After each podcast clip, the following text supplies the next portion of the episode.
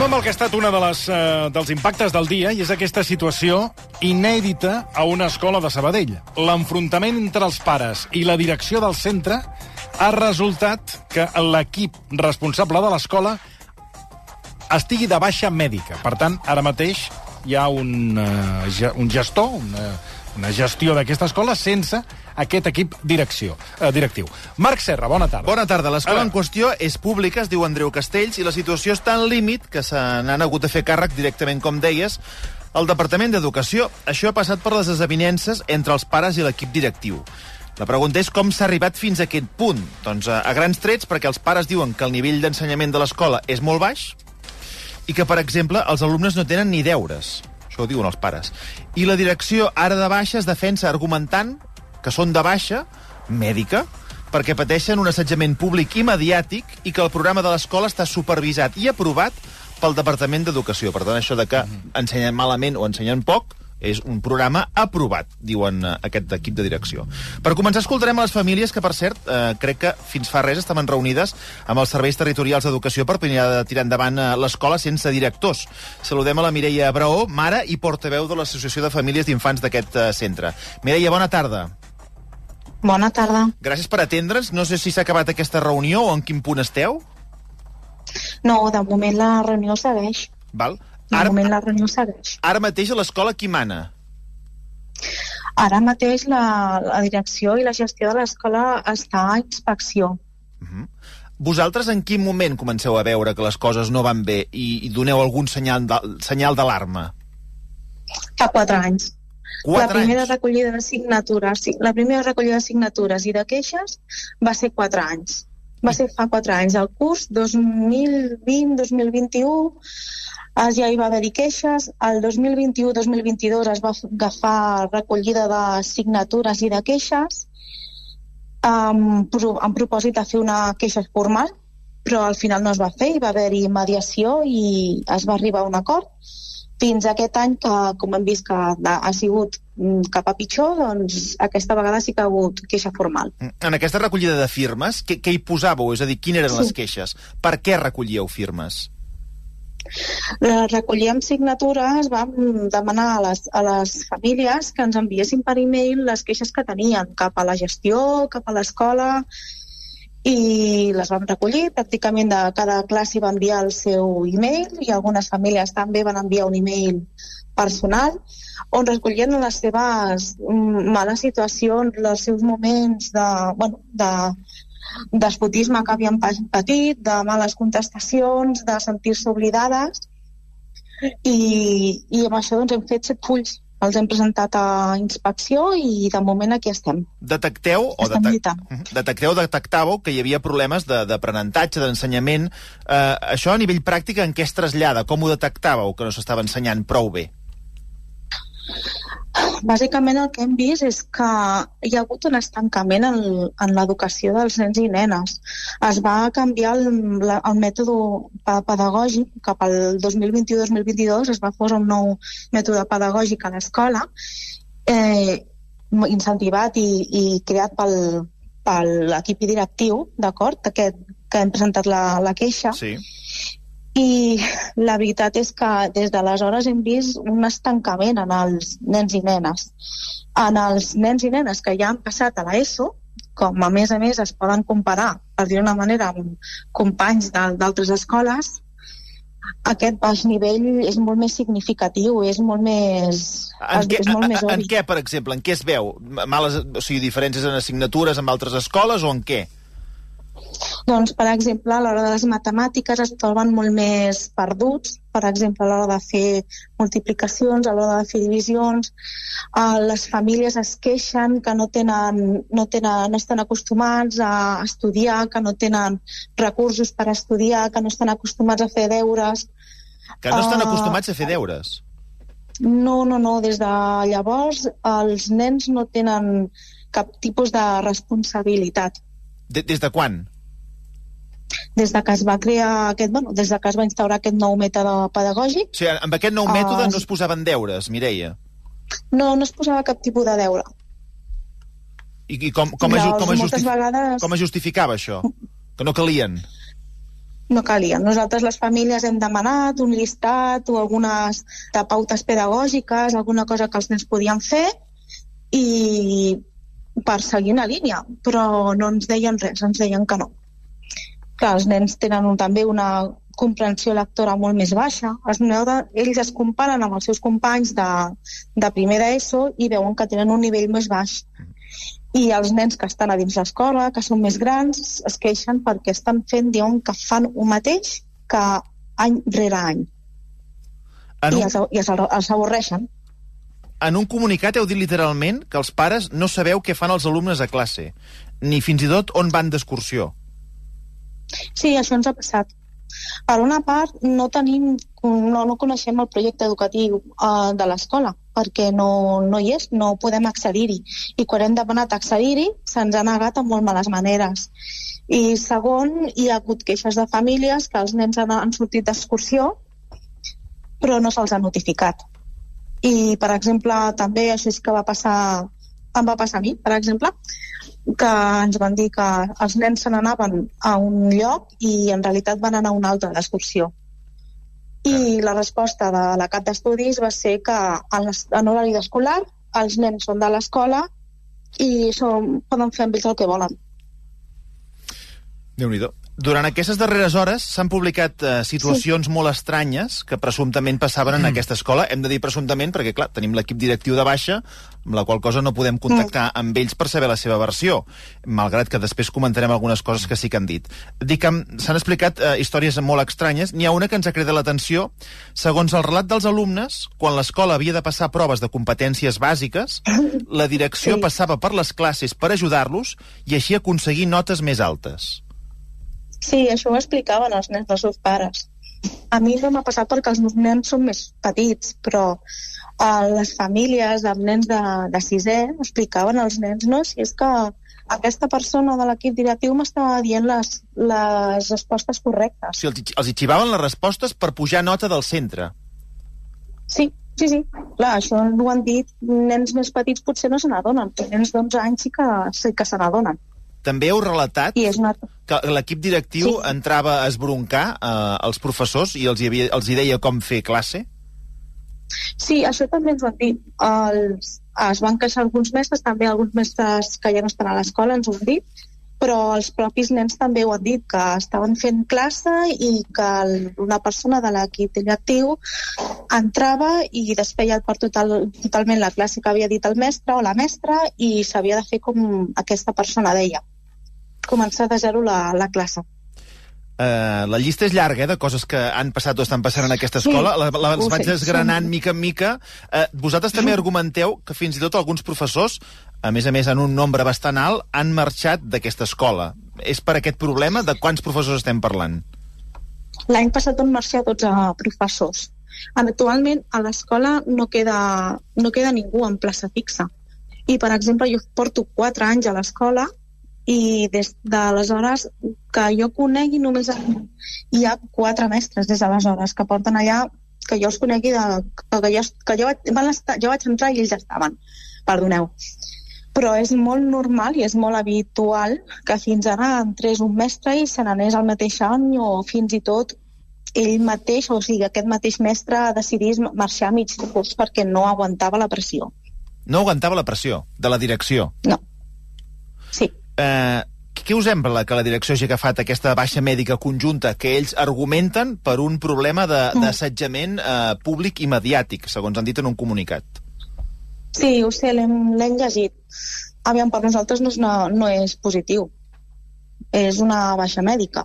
No és positiu. Per nosaltres és, mm, literalment, és com ens, ens amaguem una mica i quan passi una mica la rebequeria doncs ja tornarem, però és que no és una rebequeria. Ja portem quatre anys aguantant això. Ells diuen que estan patint assetjament precisament eh, liderat mm. per l'Associació de Famílies de l'Escola, que sou vosaltres. Què en penses?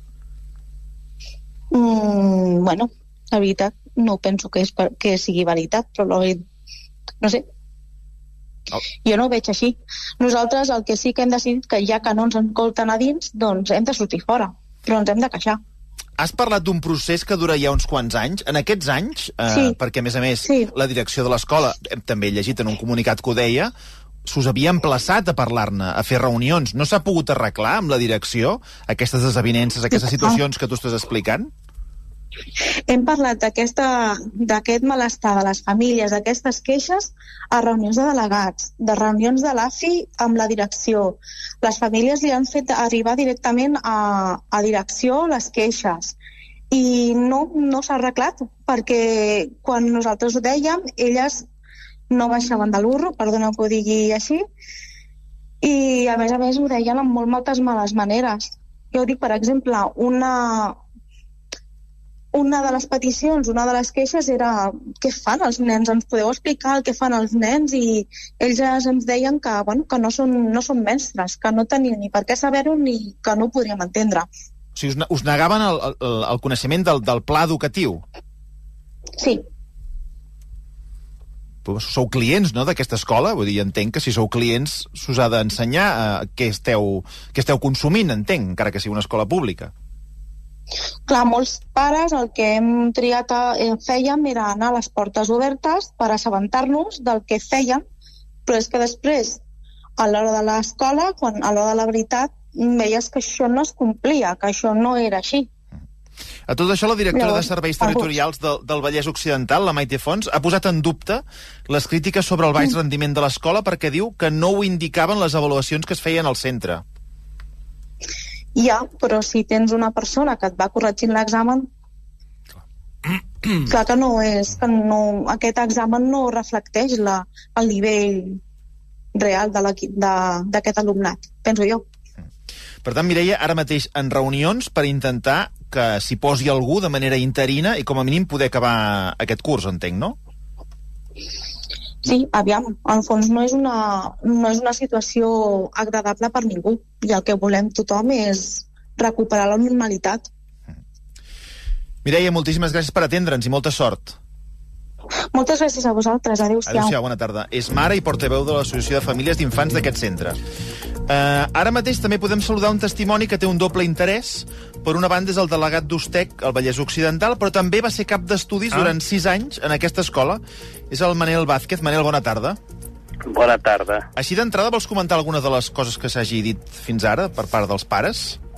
Déu-n'hi-do, tenint la festa servida. No, a veure, diverses qüestions. Jo és una entrevista aquesta que no voldria fer, però la voldria fer perquè aquesta escola d'alguna manera és mi ojito derecho. Jo he estat aquí uns anys, els meus fills han estudiat aquí, i l'Andreu Castells, que veníem del Rius i Borrell, que ara és l'IER Sabadell, eh, havia estat sempre una escola de referència en el barri. Quan estaven en l'equip directiu, justament tenien una hora setmanal per parlar en, la, en aquell moment que es deia l'APA, o l'AMPA, l'Associació de Mares i Pares d'Alumnes, justament per parlar de festes, de programes, de continguts, de currículum, i no sempre estaven d'acord, però s'havien de trobar punts d'acord. I em fa una mica de pena això, un col·le que ha estat de referència, un col·le model en el barri, i que s'arriba a aquesta situació. Però ja demanaria a les famílies demanaria calma. S'ha fet el, això, s'ha fet el soroll i l'Austec, el sindicat ho fent de fer soroll sabent, s'ha fet soroll, s'ha arribat als mitjans, s'ha parlat, tothom sap que hi ha un problema aquí. Ara, en aquest problema s'ha d'intentar arreglar, és a dir, s'ha de tornar a intentar arreglar. Jo al matí he parlat en el, justament en el regidor d'Educació, que havia estat també director d'un institut, d'Agustí Serra, quan jo havia estat també director d'una escola, i jo sé que m'han dit que l'Ajuntament i el Departament d'ensenyament de, en la Maite Fons i en la Marta Selles, la inspectora en cap, que és una, una superprofessional que hi ha la voluntat d'això, hi ha un problema. A partir d'aquest problema hem de seure, hem de parlar i hem de trobar solucions. Els mestres tindran més raó o menys, els pares tindran més raó o menys, però quan algú es queixa és que alguna cosa passa, alguna cosa es passa. I per tant aquí hem de seure i les aigües han de tornar al seu lloc i aquest és un col·le que havia estat referència en el barri, és un, un col·le de, de, de qualitat. És a dir, jo quan vaig llegir per la, per la premsa tot el que passava, una mica me posava les mans al cap. Llavors, a partir d'aquí és tornar a parlar i jo crec que s'han de refer ponts entre, entre els pares, entre els mestres, entre els serveis territorials, i sí que traslladaria un missatge de calma, és a dir, el, les escoles hi ha un equip directiu, però a part hi ha uns coordinadors i a part cada centre depèn d'un inspector que té assignats 15 o 20 centres i que quan hi ha una contingència d'aquestes no, no és normal ni és freqüent, però tampoc és la primera vegada ni, ni serà l'última segurament, hem de seure i hem de trobar solucions. Mm. Escolta, nosaltres no, no hi entenem tant, per això també t'hem trucat. És normal que una escola eh, no posi deures, per exemple? Eh, aquí es parlava, la, la mare parlava d'un canvi de model de l'escola. Aquí què interpretes que ha passat? Clar, aquí hi ha diverses qüestions. Eh, eh, eh, això ja la, diguéssim, és complicat, eh? explicar a la ràdio en 10 minuts per qui no, no, no, no és de l'ofici és complicat, però intentaré fer una mica de pedagogia. Hi ha el que diguéssim que és el model tradicional, sí? que són les famílies que sempre preocupaven i que deien, no, és que el meu fill va, fa primer i segon i ha de començar a llegir i escriure i ha de portar una fitxa, ha de fer alguna cosa. Jo estic de, eh, no estic en contra de cap model, però soc més d'aquest, del tradicional, ha de fer una mica perquè treballa uns hàbits, treballa unes rutines, té una obligació, comença en la suma, comença en la resta, en segon la resta portant-ne, i tal. Què passa en aquest centre? Jo, i jo he treballat en Sabadell sempre, però en el sindicat en la zona de Terrassa, però perquè me diuen els companys, és un centre que ha canviat més els models que treballen més per, per racons, per ambients, per noves metodologies, i això és com tot. I a qui l'agrada més un cotxe elèctric i a un de benzina. I llavors, jo per lo que explicava la mare, d'alguna manera la seva queixa és que ells estarien més, i l'Andreu Castells, jo el recordo l'època que havia treballat, i en altres era més una metodologia més de tipus tradicional, amb una fitxa, amb uns deures, i sobretot, és a dir, les famílies s'han d'escoltar. Una altra cosa és que tinguin raó o no, el que hem d'escoltar els nostres usuaris, per descomptat. No, I, i ara s'ha canviat, a, a, a, a Manel, el que entendríem com a, com a projectes, no? Eh, més eh... com a projectes, més com a projectes que en principi això és com tot, no és Però què, ni què, què, és un, què és un projecte? Ni... És a dir, el, el tradicional l'entenem, perquè segurament és el que hem fet la majoria que estem escoltant, però el concepte projecte, aquí per què no hi ha deures? O sigui, en què consisteix? Clar, aquí tu, si a mi me dius, jo prefereixo, i jo estar directora en cada centre, per què el tradicional? Perquè a mi va arribar un profe de sis mesos o de set, i un profe és com tots els oficis. Té una diplomatura o un grau de Bellaterra o d'on sigui, però arriba al centre, i ha d'aprendre l'ofici. Llavors es troba que el dia a dia dels centres és dur, és complicat, tenim sortides, tenim l'acollida la, al matí, tenim colònies, tenim el menjador...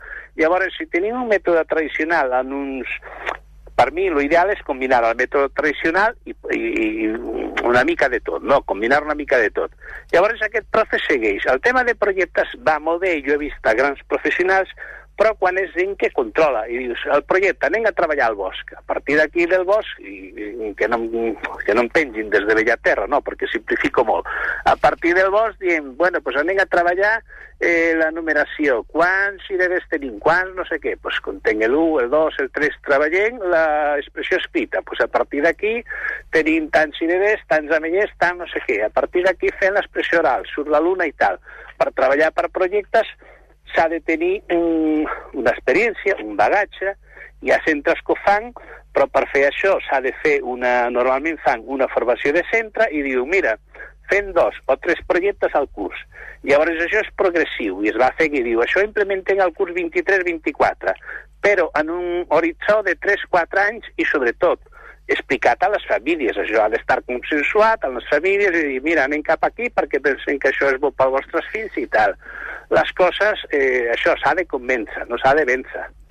I jo una mica no sé quina està la relació de les famílies, però si no, si no es parla, si no, si no fem reunions és complicat. En el teu cas, eh, tu tenies constància de mala maró entre l'equip directiu i les famílies? Això se'n parla? No, nosaltres, la nostra part sindical, és més la relació eh, en l'àmbit laboral amb el professorat. I sí que tenien d'algun professorat que ens deia que les formes en l'equip directiu tenien marge de millora, però això passa en molts centres. És a dir, això ve d'alguna manera relacionat en el que eh, en l'ALOE, tot el que són els equips directius, eh, abans eren triat entre els claustres per votació i ara ja fa molts anys són a través d'un projecte té una part positiva també, perquè abans triaven el director sense formació, però ara què passa? També es tria un director a partir d'un projecte i de vegades sembla, tenim, tenim equips directius superprofessionals, que són afortunadament la majoria, però a vegades tenim algú que les formes pues, que tenen cert marge de millora, i nosaltres el que teníem és algun profe això, que deia que eh, tenia marxa de millora sobretot el tema de la relació i el tracte personal. Però això ens passa en altres centres. Bueno, els en el tema de les famílies... a- Aquesta mare que acabem d'escoltar ha dit que marxava un munt de professorat. Fins i tot ha dit que marxava Bueno, professorat a el- mitja temporada, ha dit. El que passa que el professorat, això seria, seria de, de veure com és el professorat, perquè en les plantilles de centres del professorat hi ha una part que són definitius.